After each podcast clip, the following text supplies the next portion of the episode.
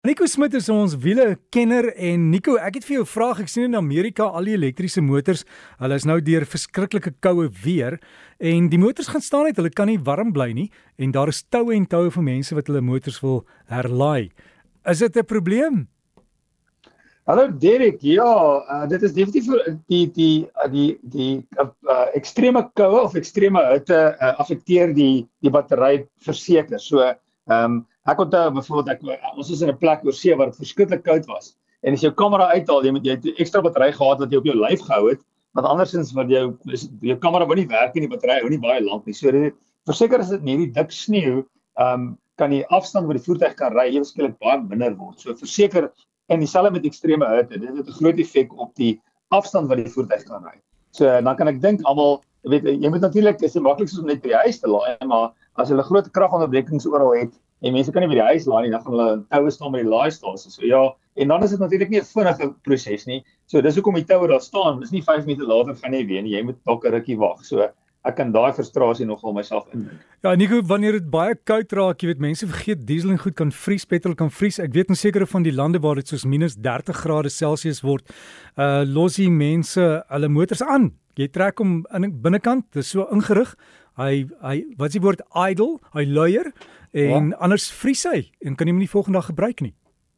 Weet jy wat Derek Petrol is eintlik nie sleg nie, maar dit gebeur in Suid-Afrika. My neef um, het vir lank in Sutherland gebly en dit het met hom gebeur dat sy dieselbakkie, hy sê die die diesel raak soos 'n dik seep.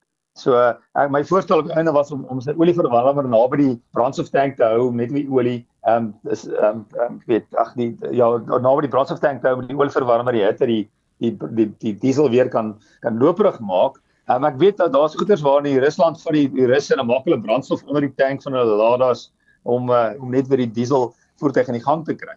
So ja, definitief uh, ekstreme koue in Suid-Afrika het ons dit almal kan definitief 'n effek hê op die op die voertuig. Derek, ek het ook um, drie vrae wat ek gou gewil antwoord um, van luisteraars.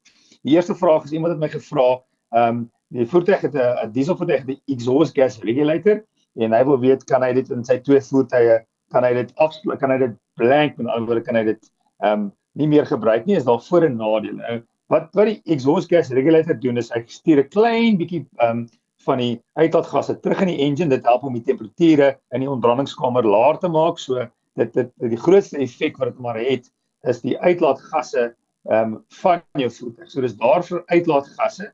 Dit kan ook ander nadele hê so swart rook ehm um, dit kan uh, effek hê op die ehm um, die brandstofverbruik op die voertuig en selfs die kraglewering. Ek weet daar's men, uh, uh, persone wat of daar is mense wat dit doen. Ehm um, die grootste ding is dit behoort nie 'n verskil te maak in die in die verrigting van die voertuig nie, maar dis dis maar altyd 'n kans wat mens vat. Ek dink die vervaardigers sit gewoonlik goed in 'n rede uh, uh, vir 'n rede in 'n voertuig. En jy sien dalk een ding, weet jy wat ek gaan dit stop so uh, want die dis baie geld om dit te vervang, so ek gaan net uithaal maar daar kan ook ander nadele wees waarvan jy nie weet nie. So die vervaardiger in my opinie altyd is maar die beste ene wat vir jou die beste raad kan gee, maar die die die die groot ehm um, rede daarvoor is maar uitlaatgasse. Die tweede vraag is ehm um, ek het 'n vraag van 'n van 'n dame wat sê sy ry haar hele lewe lank net met 'n handrat voertuig. Ehm um, en nou baie van haar vriende sê, weet jy wat koop nou outomaties, dit is baie lekkerder om mee te ry of dis baie gemakliker en sy wil weet wat is die beste um, om wat is die beste besluit vir haar? Want sy het gehoor liewer die nuwe outomatiese radkaste raas en hulle swaar op brandstof. En dis dis 'n groot gedeelte van dit is maar 'n persoonlike keuse. Ek is eintlik iemand wat ek hou baie van handrad voertuig want ons baie minder vandag op die mark. So meeste voertuie ehm um, ehm um, is is outomaties. Die voordeel van outomaties is net die eenvoudige gerief as jy ry veral in verkeer Ehm um, want jy het net nodig om die rem en die en die petrolpedaal te gebruik as jy verkeer sit as 'n handrat, maar 'n uh, 'n uh, uh, kan kan nogal 'n uh, frustrasie wees.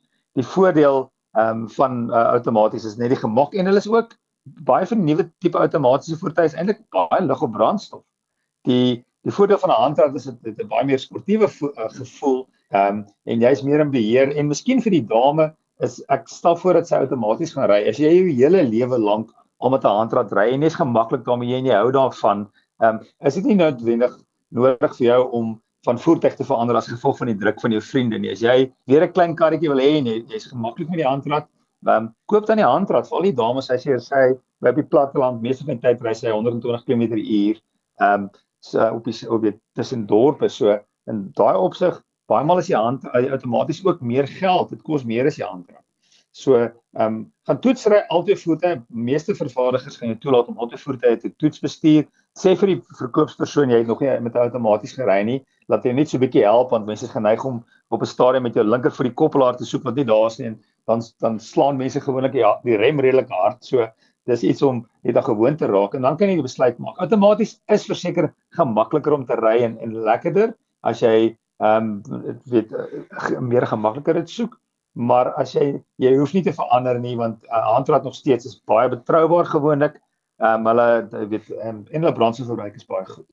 Die laaste vraag ehm um, ek gaan net twee voertuie noem miskien net om om vir die vir die voorbeeld is die ehm um, 'n persoon sê luister ons 'n dame sê al hele lewe lank het sy 'n Mercedes Benz gery ehm um, en nou het sy Suzuki Swift en sy is baie gelukkig met die kar maar die kar voel nie so vas op die pad ehm um, nie en jy weet so met ander woorde kan ons kan sy breër bande opsit.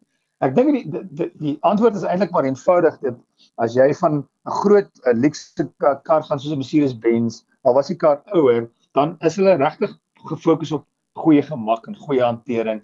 So wanneer jy dan na 'n kleiner kar toe gaan, gaan dit altyd so wees dat die kleiner kar nie so stabiel gaan voel soos jou groter kar nie. Die asafstand is is is langer, die bande is dit en breër, die die onderstel die um, is, is is is is baie beter ontwerp vir 'n gemaklike rit. So daar's niks fout met die Suzuki Swift nie. Dit gaan maar net oor die gevoel wat jy kry.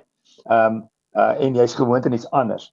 Ek breër bande kan 'n klein bietjie help, maar breër bande gaan dadelik die brandstofverbruik van jou voertuig ehm um, beïnvloed. So jy gaan dadelik 'n voertuig hê wat swaarder op brandstof is, eenvoudig omdat jy meer weerstand het vir die bande. En ook onthou dan as jy breër bande opsit om bande te kry wat die vervaardiger ehm um, wat wat hulle sê dis reg. Jy kan nie net sommer enige velling of enige mag met alhoewel enige band opsit nie.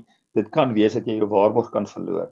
So my gevoel sou wees om ek persoonlik sou die voertuig net hou soos hy is. Ek is nie gewoonlik baie lief daarvoor om modifikasies te maak nie. Ander mense weer hou daarvan. My persoonlike gevoel is bly by wat die vervaardiger se spesifikasies is, maar dit is maar net 'n geval van die kleiner kar gaan nooit so stabiel wees soos die groter voertuig nie. En breër bande kan 'n klein effek hê op dit so. Ek kan dit probeer, maar onthou die nadeel is die die swaarder brandstofverbruik. En dis my drie vrae vir vir ons Saterdag hierdie. Nico, alle voorspoed, dankbaar vir jou antwoorde wat jy daar verskaf het. En as jy vir Nico wil kontak, onthou die gesprek sal ook as 'n potgooi op RSG se webtuiste beskikbaar wees, rsg.co.za. Potgooi gaan by B Breakfast met Derek, jy sien daar is hy wiele. En as jy vir Nico wil e-pos, dis wiele by rsg.co.za. Weet jy hom, wiele by rsg.co.za.